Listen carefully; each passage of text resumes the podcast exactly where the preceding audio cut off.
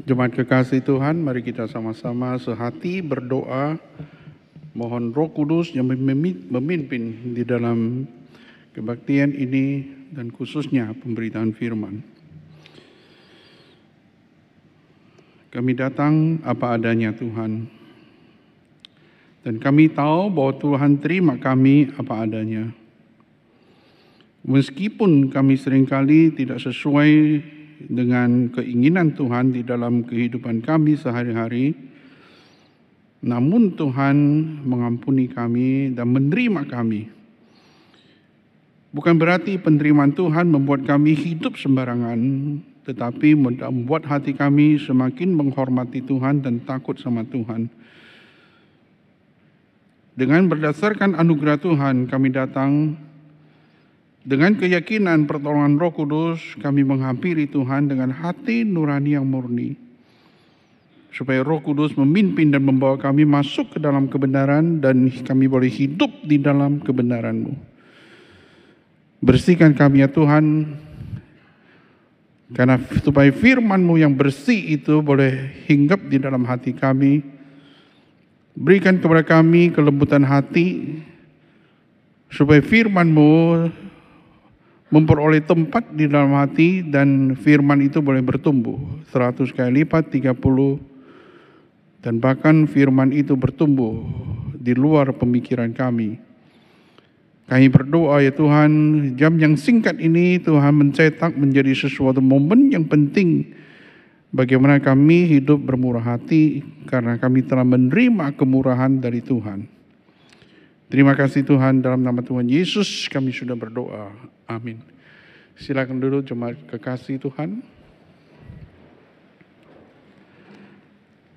Saudara, mari kita bersama-sama membuka kitab Ulangan pasal yang 14 ayat ke-22 sampai ayat yang ke-29. Ulangan pasal yang ke-14 ayat 22 sampai ayat 29. Sudah temukan, saya akan bacakan untuk jemaat sekalian. Demikian firman Tuhan. Ulangan 14 ayat 22.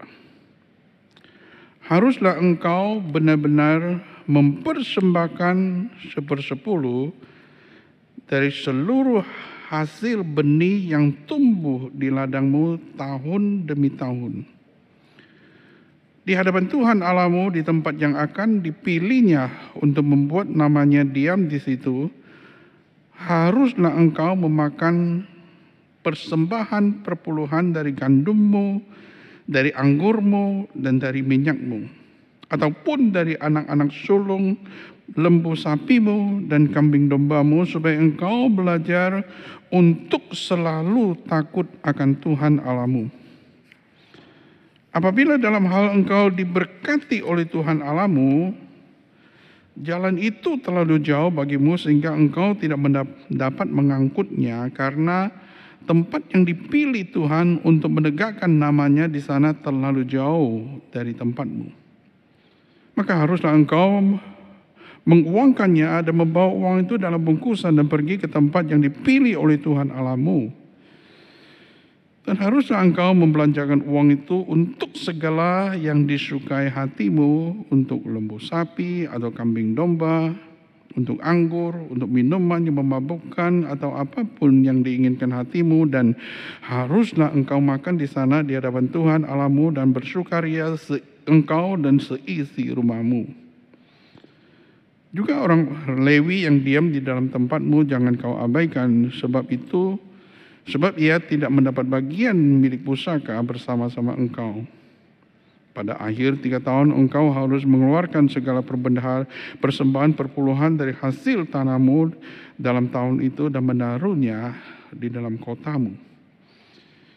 Maka orang Lewi karena ia tidak mendapat bagian milik pusaka bersama-sama engkau dan orang-orang asing, anak yatim dan janda yang ada di dalam tempatmu akan datang makan dan menjadi kenyang supaya Tuhan Allahmu memberkati engkau di dalam segala usaha yang dikerjakan tanganmu. Demikian firman Tuhan, berbahagia mereka yang membaca firman dan mereka yang hidup oleh firman Tuhan.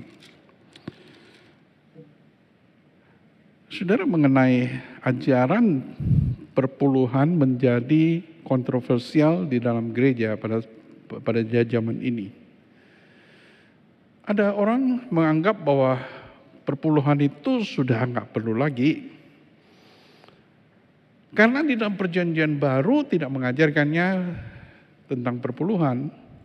Kita hidup di dalam perjanjian, hidup di zaman anugerah, tidak perlu mentaati aturan di dalam perjanjian baru, perjanjian lama. Apalagi perjanjian baru tidak ada sistem korban persembahan, tidak ada Lewi, kumpulan Lewi di tengah-tengah kita. Memang ada hamba Tuhan dipanggil untuk melayani. Tapi di lain pihak ada orang mengatakan bahwa pengajaran firman Tuhan itu tetap tidak akan berlaku selama-lamanya. Oleh sebab itu perpuluhan itu masih berlaku walaupun perjanjian baru tidak mengajarkannya. Dengan penekanan perpuluhan akhirnya sometimes kadang-kadang gereja itu jatuh ke dalam suatu pelaturan saja. Artinya saudara tidak lagi memahami esensi persembahan perpuluhan, tetapi menjalankan persembahan itu secara mekanik. Kalau saya tidak memberikan perpuluhan, rasa bersalah. Bahkan memaksakan diri untuk memberikan perpuluhan meskipun ataupun yang terjadi tidak peduli. Ada sebagian lagi orang yang menggunakan perpuluhan untuk kepentingan diri sendiri. Sehingga ada pendeta yang palsu mengatakan, "Hai saudara, harus memberikan persembahan perpuluhan sebab bagi mereka yang memberi perpuluhan, Tuhan membuka tingkap langit dan memberkati engkau." Sehingga kalau saya memberikan sepersepuluh, Tuhan berikan dua puluh. Yang untung mana? Ya aku long yang memberi persembahan. Jadi Tuhan harus mempunyai kewajiban untuk memberikan kepada saya melampaui apa yang saya kasih itu.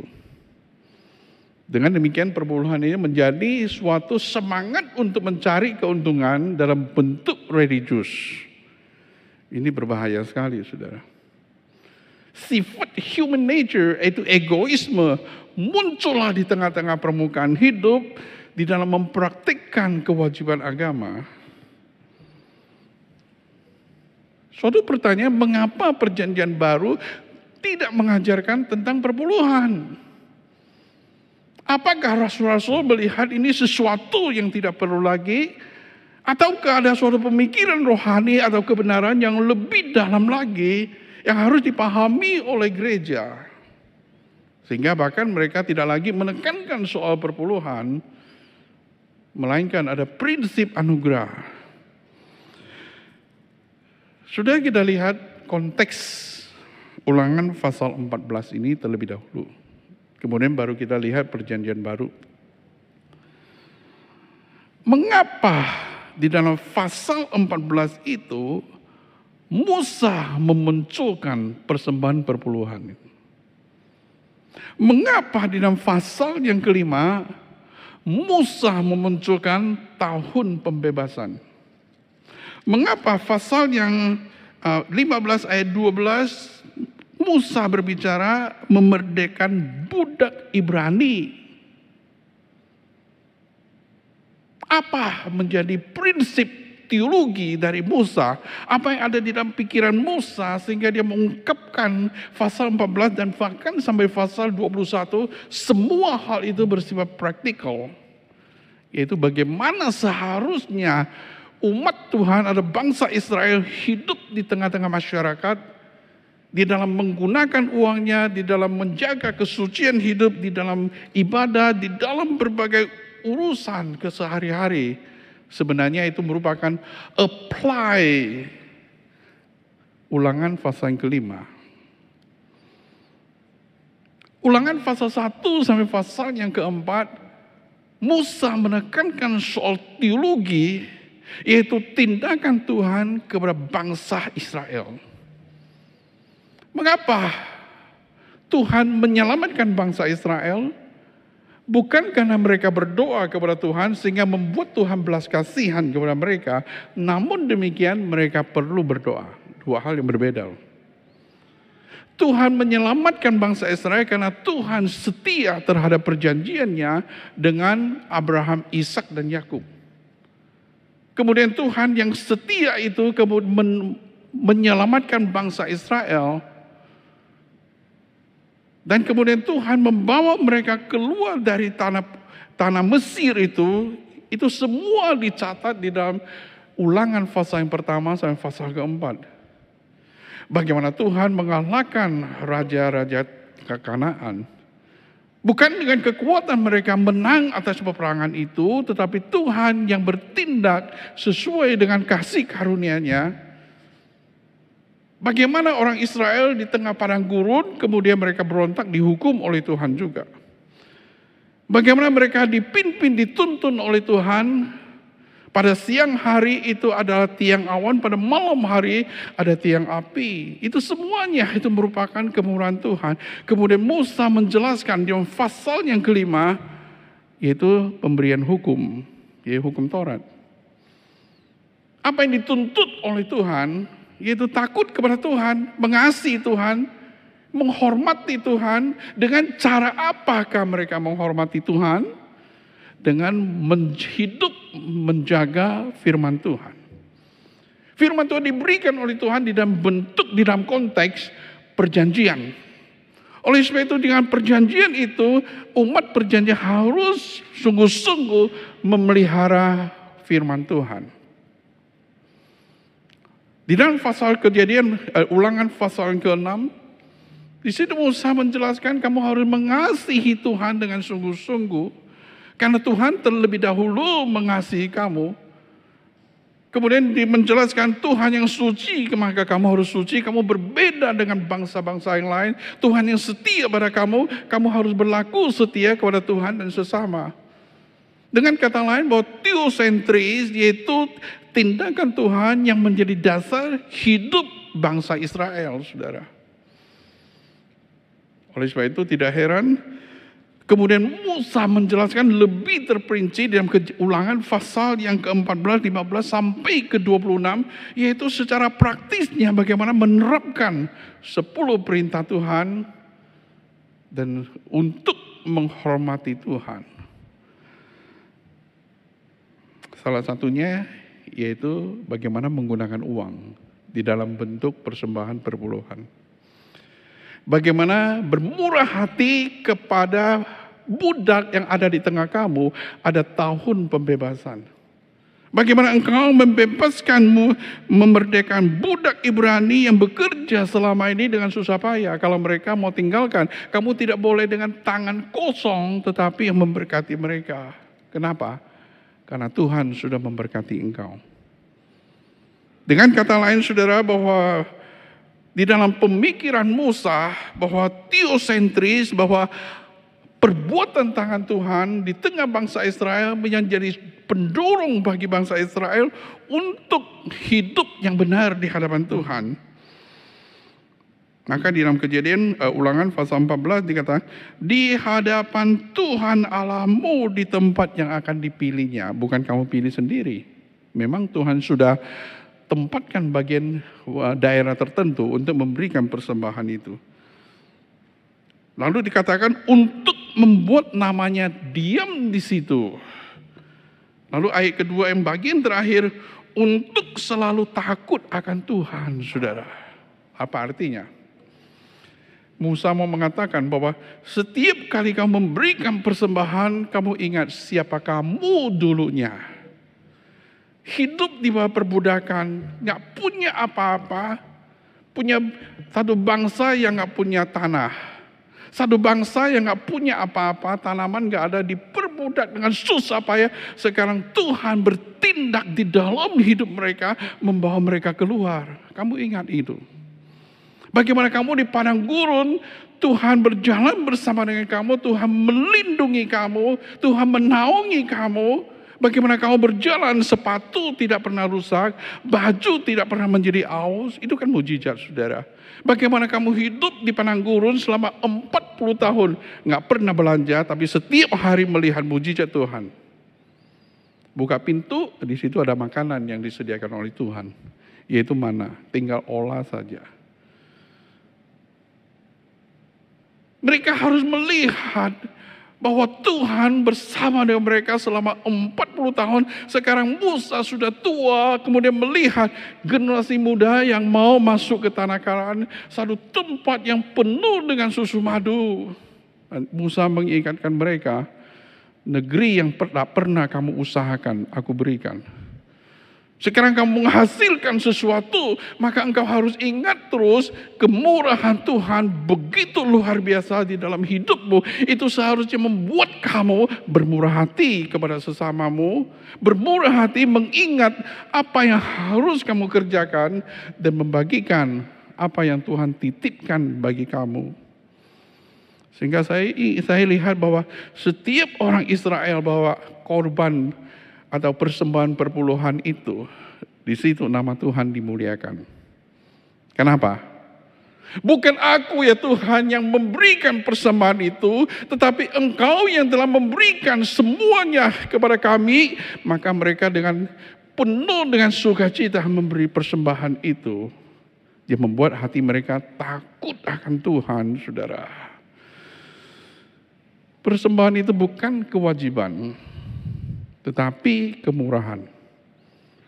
Kalau saudara saya diberikan kesempatan oleh Tuhan untuk memberi, itu bukan karena kita lebih hebat, lebih daripada orang lain, tetapi kesempatan yang Tuhan berikan untuk mengaktualisasikan kemurahan hati saudara yang telah menerima kemurahan hati dari Tuhan.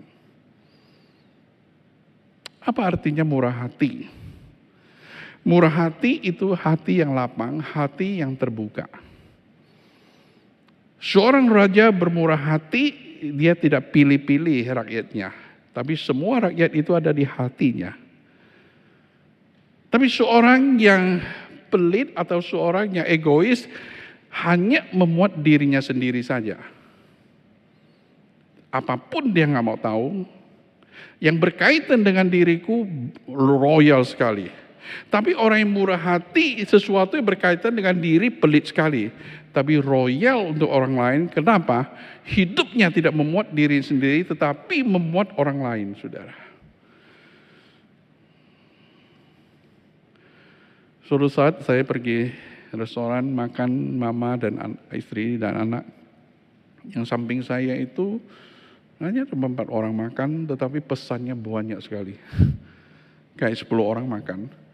Dan habis makan sedikit-sedikit kemudian ikannya cuma centok satu aja. Udah itu tinggalin saudara. Bukan ikan nggak enak. Dan itu harus bayar berapa itu. Berani untuk diri sendiri, saya nggak kenal dia. Tetapi saya pikir saudara di luar masih banyak orang yang membutuhkan makan minum. Seberapa banyak orang seperti ini telah memberikan dirinya kepada orang lain. Ada orang kaya hanya untuk diri sendiri, tetapi miskin untuk orang lain. Ada orang yang miskin untuk dirinya sendiri, juga miskin harta benda. Cilaka orang ini. Ada orang yang kaya harta benda, tetapi juga kaya dalam kemurahan, sehingga segala harta benda yang Tuhan titipkan untuk melayani kemurahan hatinya. Luar biasa orang seperti ini.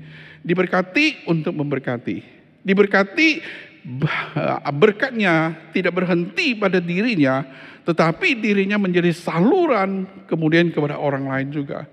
Kita harus senantiasa bertanya, mengapa Tuhan memberkati saya selama ini? Padahal kebutuhan saya itu nggak banyak, sudah betul? Nggak banyak. Makan, minum, pakai cukup. Paling-paling pergi travel dan sebagainya untuk pelayanan misi, mungkin keluarkan sedikit dan sebagainya. Kebutuhan kita nggak banyak kesehatan yang banyak kali. Kita nggak sehat, kita sehat 15 tahun tapi keluar itu bisa banyak sekali kayak gitu. Habis banyak. Untuk kita diri sendiri itu sehingga nggak banyak saudara, tetapi memang saudara Tuhan memberkati kita supaya kita menjadi berkat bagi orang lain. Kalau kita sudah lebih tua, Kebutuhan nggak tahu banyak, kesehatan yang banyak, saudara. Kita mesti berpikir, mengapa Tuhan memberkati saya sampai pada hari ini, saudara. Tujuannya memang Tuhan ingin kita menikmati segala hasil jeripaya, tetapi ada lebih daripada itu, Tuhan juga ingin supaya kita menjadi berkat atau memperkaya hidup orang lain, mengingat apa yang Tuhan kerjakan di dalam hidup kita, sehingga membuat kita itu tidak layak, saudara. Kalau saudara dan saya pernah mengalami kemurahan Tuhan di dalam hidup, persembahan tidak ada aturan. Yang menjadi satu-satu aturan adalah kemurahan hati. Persembahan tidak ditentukan seberapa banyak kita memberikan persembahan, tetapi seberapa luas hati kita. Itu akan menentukan seberapa banyak jumlah yang kita berikan persembahan itu. Makanya saudara ada orang yang kaya harta benda tetapi miskin dalam kemurahan. Sehingga selalu mencari sepertinya hatinya ada lubang yang besar sekali yang tidak pernah diisi oleh apa yang diinginkan. Sudah. Berbahagia mereka yang tahu apa artinya cukup, tahu apa artinya hidup menjadi berkat bagi orang lain, hidup melayani, mempersembahkan segala sesuatu demi kerajaan Allah, dan kesempatan ini tidak terlalu banyak. Oleh sebab itu saudara, mengapa perjanjian baru tidak lagi mengajarkan soal perpuluhan? Kenapa? Karena kristosentris. Kristus sudah memberikan nyawanya untuk kita. Sehingga kita pun wajib memberikan nyawa untuk dia. Kalau Kristus memberikan nyawa untuk kita berarti apa? Tidak ada satu pun yang tersisa, Allah tidak memberikan kepada kita. Nyawa pun dikasih. Apalagi sudah perlu kuat, apa yang perlu sudah khawatirkan untuk hidup esok, makan, minum, materi dan sebagainya. Nggak perlu. Bukan berarti nggak mau pikir dan nggak mau bekerja, tapi tidak khawatir. Beda loh saudara. Berpikir atau memikirkan sesuatu tentang future, tentang hidup kita dengan khawatir. Orang khawatir berpikir tetapi tidak percaya. Orang percaya berpikir tapi tahu menyerahkan kepada Tuhan. Ini berbeda saudara. Kristus memberikan nyawa untuk kita, kita pun memberikan nyawa. Pada waktu kita memberikan nyawa untuk Kristus, masa kita mau tidak memberikan hidup kita untuk orang lain juga. Satu Yohanes pasal yang ketiga 16. Kita yang begitu besar cinta kasih dari Tuhan memberikan nyawanya, kita pun pantas atau layak memberikan nyawa untuk saudara kita. Kalau kita memberikan nyawa untuk saudara kita, maka apa? Masa uang nggak dikasih, makan minum nggak dikasih, kebutuhan nggak dikasih gitu. Sebab apa? Diriku pun diberikan kepada orang lain karena Kristus itu. Memang ini tidak gampang sudah, tetapi itu kasih yang dalam. Kasih itu tidak hanya memikirkan menerima, itu egois. Tapi kasih itu memikirkan bagaimana kita memberi. Memberi yang terbesar adalah memberi diri kita kepada objek kasih itu.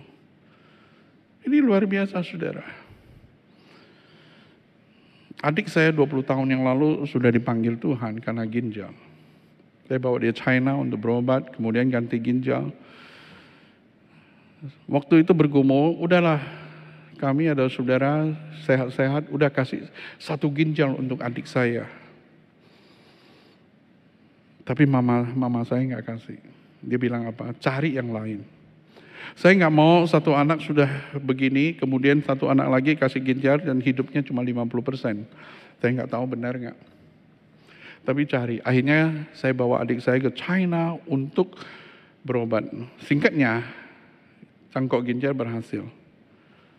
Tapi saudara hanya ngomong saja bahwa di antara saudara kami kasih satu ginjal, berarti termasuk saya dong saudara. Rasanya gimana ya? Saya harus operasi dan kasih satu ginjal untuk adik saya. Tidak berarti saya nggak rela, tetapi itu satu perasaan yang muncul. Saya bisa kasih uang, belum tentu kasih ginjal kan? Eh, kamu berobat aja, cari mana tahu ginjal itu uh, apa uangnya bisa kamu peroleh dan kemudian beli satu ginjal di mana pun juga kayak gitu. Tetapi saya hanya berikan ginjal, saya pun sudah menjadi susah. Tapi itu belum terjadi. Apalagi saudara memberikan nyawa, itu adalah kasih yang dalam sekali. Kalau kita bisa melakukan seperti itu, bagaimana mungkin saudara tidak memberikan hidup kita atau sesuatu yang kita miliki kepada orang yang layak menerima objek, eh, menerima kasih itu. Setelah kita menerima kemurahan Tuhan baru tahu apa artinya bermurah hati kepada orang lain.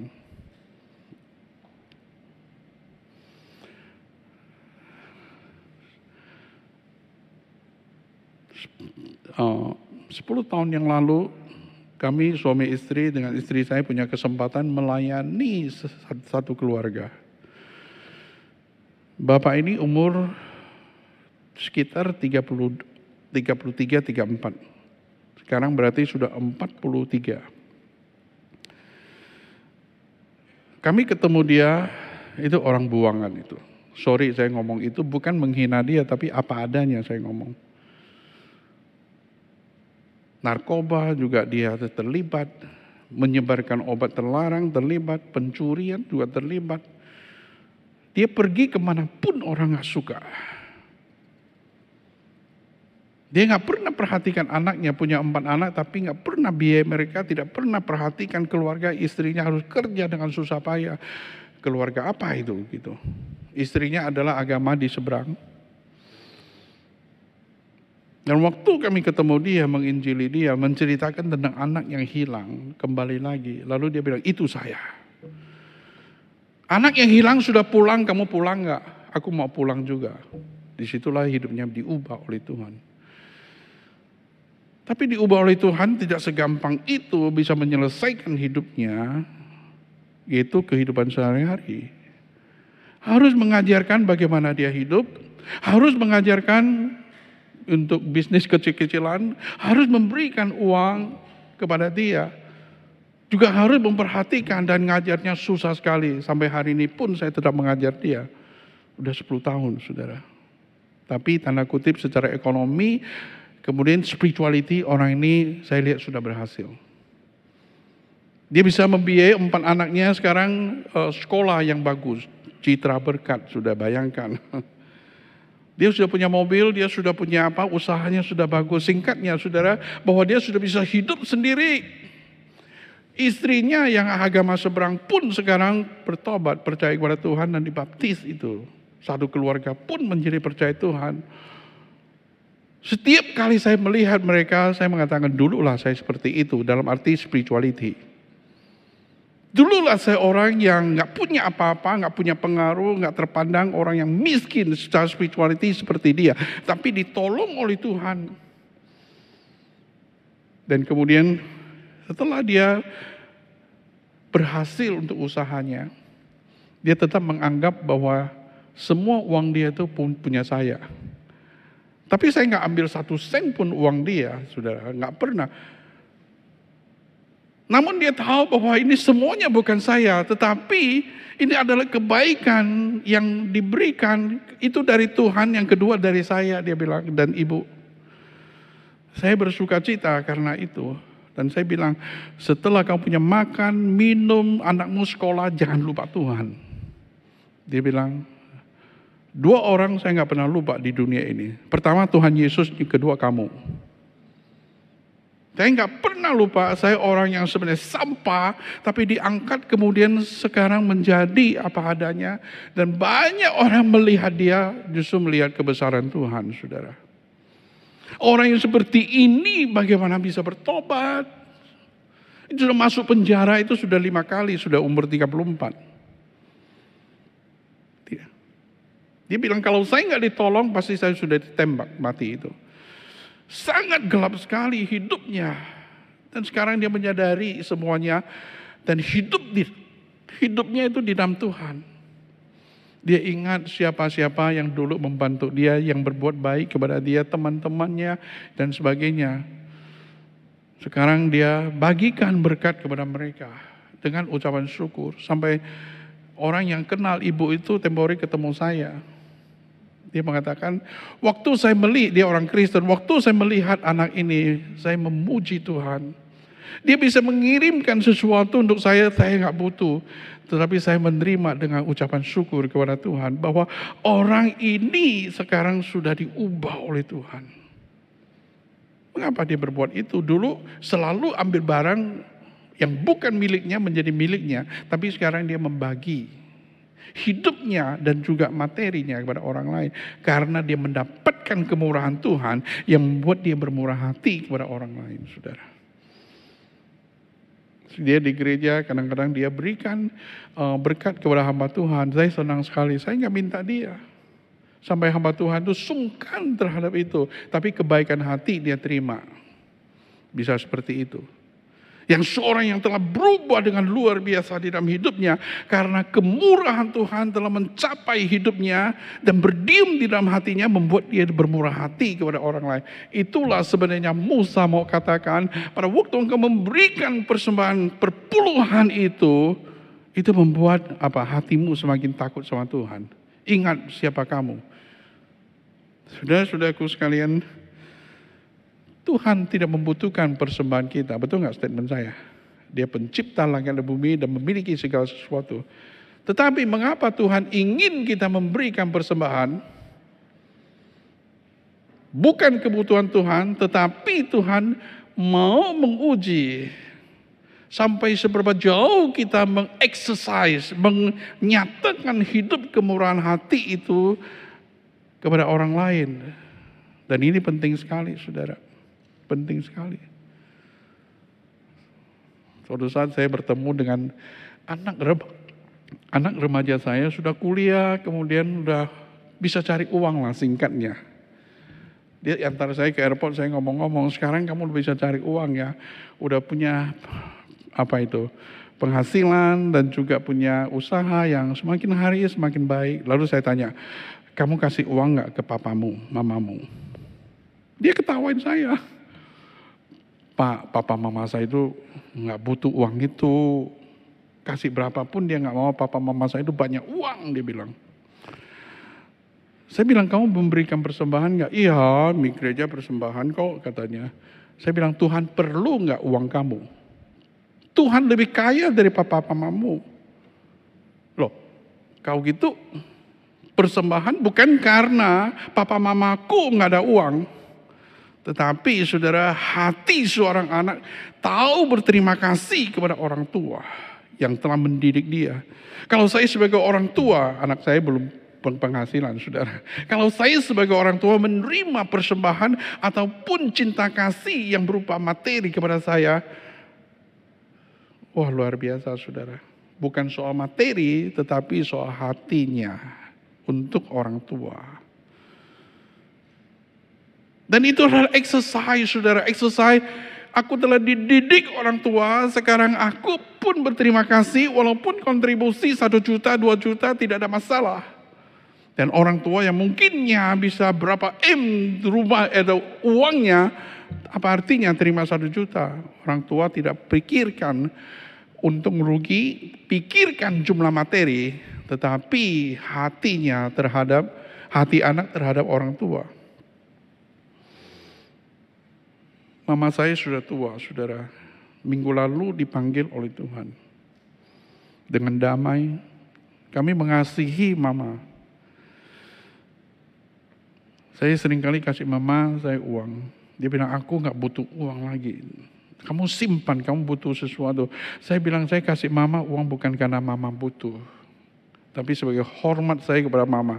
Jadi mama uang pun ada mama uang mama pun nggak tahu mau taruh di mana, saudara. Tapi dia bisa gereja mau bangun, dia ambil berapa puluh juta, dia kasih aja kayak gitu ke gereja. Ada orang yang butuh, dia kasih kayak gitu. Saya nggak peduli, kamu mau lakukan apa pun juga, terserah mama. Dan itu adalah uang mama yang dia bisa pakai untuk untuk menyatakan uh, kasih dan perhatian kepada orang orang sekitarnya.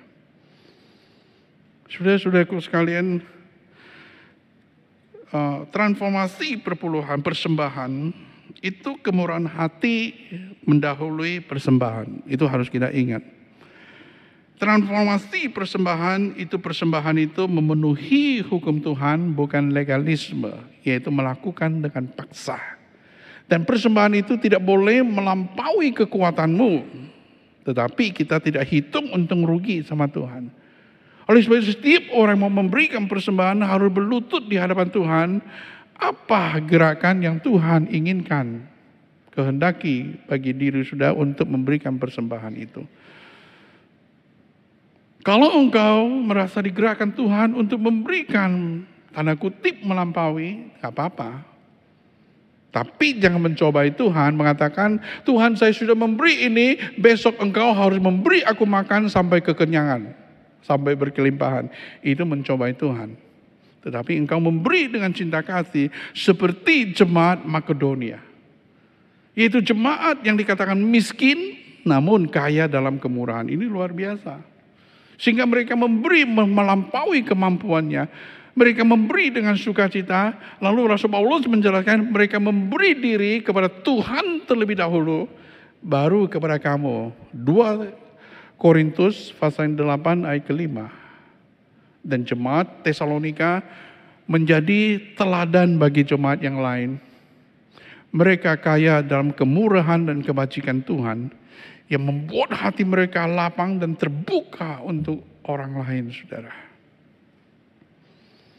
Saya yakin, saudara, engkau memberi, Tuhan pasti tidak membiarkan kita. Tetapi hal itu tidak membuat kita motivasi untuk memberi, melainkan kasih kepada Tuhan. Izinkan saya memberikan satu kesaksian tahun 2011 saya rencana pulang ke Indonesia setelah kuliah selesai di Amerika. Saya itu bantu satu gereja, setiap minggu hampir saya khotbah di situ, karena dia nggak ada hamba Tuhan. Saya bukan hamba Tuhan di sana, kan memang saya studi full. Waktu saya mau pulang, kemudian ada seorang ibu, itu Mexican American, dia hatinya susah juga. Sebab khotbah saya sering kali menjadi berkat bagi dia, dia cerita. Minggu itu, itu hari minggu terakhir saya di gereja itu. Kemudian dia kasih saya satu amplop, saudara. Saya nggak mau terima. Dia bilang, tolong saya terima. Saya bilang, enggak, saya nggak butuh. Butuh pun saya nggak terima. Singkatnya gitu. Lalu dia cerita, saya kemarin waktu berdoa ingat kamu. Saya doain kamu selama beberapa waktu ini. Dan supaya kamu menjadi berkat bagi gereja di Indonesia. Tapi waktu saya berdoa, kemudian di dalam hati saya mulai berpikir, kamu cuma berdoa, apa yang kamu kasih ke Pak Yonatan? Selama ini dia memberikan firman Tuhan begitu besar untuk pertumbuhan rohanimu. Apa ada apa ya saya di dalam rumah ini yang saya bisa kasih Pak Yonatan yang dia butuhkan? Diam hatinya pikir, ah saya ada 100 dolar, dia bilang. Lalu bergumul, dia bilang. Kalau saya punya 100 dolar, saya kasih Pak Yonatan, berarti saya sudah nggak ada. Nanti anak saya mau minum susu gimana? Sudah dia cerita itu di setelah kebaktian selesai, hati saya itu susah sekali. Saya nggak terima melihat ceritanya, gak tega saudara, melukai hatinya. Kalau saya terima, hati saya juga susah saudara. Jadi perpisahan itu membuat hati saya nggak enak terhadap ibu ini. Udah itu setelah selesai kami pulang, sampai di tengah jalan baru 10 menit kurang lebih saya ngomong sama istri saya, buka amplopnya. Buka. Dia buka, dia bilang 100 dolar. Persis. Sudah itu saya kepikir, saya telepon seorang ibu majelis gereja itu, saya bilang, Bu, saya pinjam dulu 200 dolar, nanti saya sampai di LA, saya kembalikan. Tapi tolong kasih 200 dolar ini kepada ibu ini, namun diam-diam taruh di tasnya. Sebab kalau dia tahu, dia nggak akan terima juga. Ibu ini mengerti, kemudian dia melakukan apa yang saya ngomong. Dia taruhlah 200 dolar di tasnya. Waktu kebaktian selesai, dia pergi beli sesuatu. Dia buka tasnya. ambil recehan. Kemudian lihat itu ada amplop yang dia nggak kenal, dia buka 200 dolar, dia kelabakan, ini uang siapa? Atau siapa yang kasih dia? Dia mau cari tahu. Teleponlah ke ibu itu yang kenal dia juga. Dia bilang, saya dapat ini 200 dolar di tas saya, ada yang mungkin yang taruh salah atau apa, saya mau kembalikan. Ibu ini bijaksana, dia bilang, kalau Tuhan kasih, jangan cari tahu siapa yang kasih. Terima aja untuk kebutuhan kamu, Tuhan kirim semuanya itu. Oh, dia tidak tenang, dia nggak cari tahu lagi. Sudah saya pulang di LA, saya telepon ibu ini karena saya sudah mau pulang. Bu, kamu butuh apa? Oh saya butuh ini, ini, ini. Dia bilang, saya akan kirim semuanya untuk ibu. Saya tidak sempurna, saudara. Bukan saya cerita itu kehebatan saya, enggak. Tapi kemudian saya pikirkan saya ini manusia yang tidak sempurna bisa bermurah hati kepada seorang ibu yang memberikan sesuatu kepada saya dengan sukacita dengan mengasihi saya. Bahkan saya memberi melampaui apa yang dia keluarkan. Bukan hanya 100 dolar tapi barang-barang saya, tempat tidur pun saya kirim untuk dia, Saudara. Maka Saudara, Tuhan itu bermurah hati sebenarnya. Kalau kita mengasihi Tuhan, bermurah hati, menjadi dasar kita memberi persembahan. Bagaimana mungkin saudara Tuhan tidak menyatakan kemurahan hatinya yang lebih dalam, lebih besar kepada kita. Jadi persembahan bukan karena Tuhan membutuhkan Persembahan bukan karena terpaksa. Persembahan bukan karena aturan. Persembahan itu bukan karena saya melihat orang lain memberi persembahan lebih banyak kemudian menjadi dasar saya memberi itu. Persembahan itu bukan karena saya kelebihan, tetapi persembahan itu itu diukur dari seberapa dalam kemurahan hati kita terhadap orang lain dan terhadap gereja, terhadap Tuhan, saudara. Sebab engkau dan saya telah menerima kemurahan dari Tuhan. Oleh sebab itu, saudara, hiduplah dalam kemurahan Tuhan. Bukan hanya sepersepuluh, tetapi kita bertanya, seberapa banyak yang telah kita menerima kemurahan dari Tuhan. Saya membantu orang lain, saya nggak pernah menjadi miskin orang-orang majus memberikan korban persembahan emas keminyan mur, dia tidak pernah berpikir semua persembahan itu untuk membiayai kehidupan Tuhan Yesus dan orang tuanya di Mesir selama beberapa tahun. Dan dia ambil bagian di dalam pekerjaan Tuhan, rencana keselamatan dari Tuhan di dalam Yesus Kristus. Persembahan orang majus, emas keminyan mur itu sudah nggak ada tetapi kemurahan hatinya akan diingat oleh gereja sepanjang zaman. Sudah. Harta benda bisa aus. Tapi kemurahan hati tetap diingat selama-lamanya. Kiranya Tuhan memberkati kita. Mari kita berdoa. Terima kasih Tuhan, kemurahan hati yang Tuhan berikan kepada kami karena Yesus Kristus yang telah mati dan bangkit bagi kami sehingga kami tidak hidup sia-sia namun hidup di dalam kemurahan Tuhan. Tuhan tolong kami, pimpin kami supaya kemurahan hati kami itu memenuhi segala kehidupan kami. Kami tidak hidup untuk diri sendiri, tetapi kami hidup untuk Tuhan. Terima kasih Tuhan demi Kristus Yesus kami berdoa. Amin.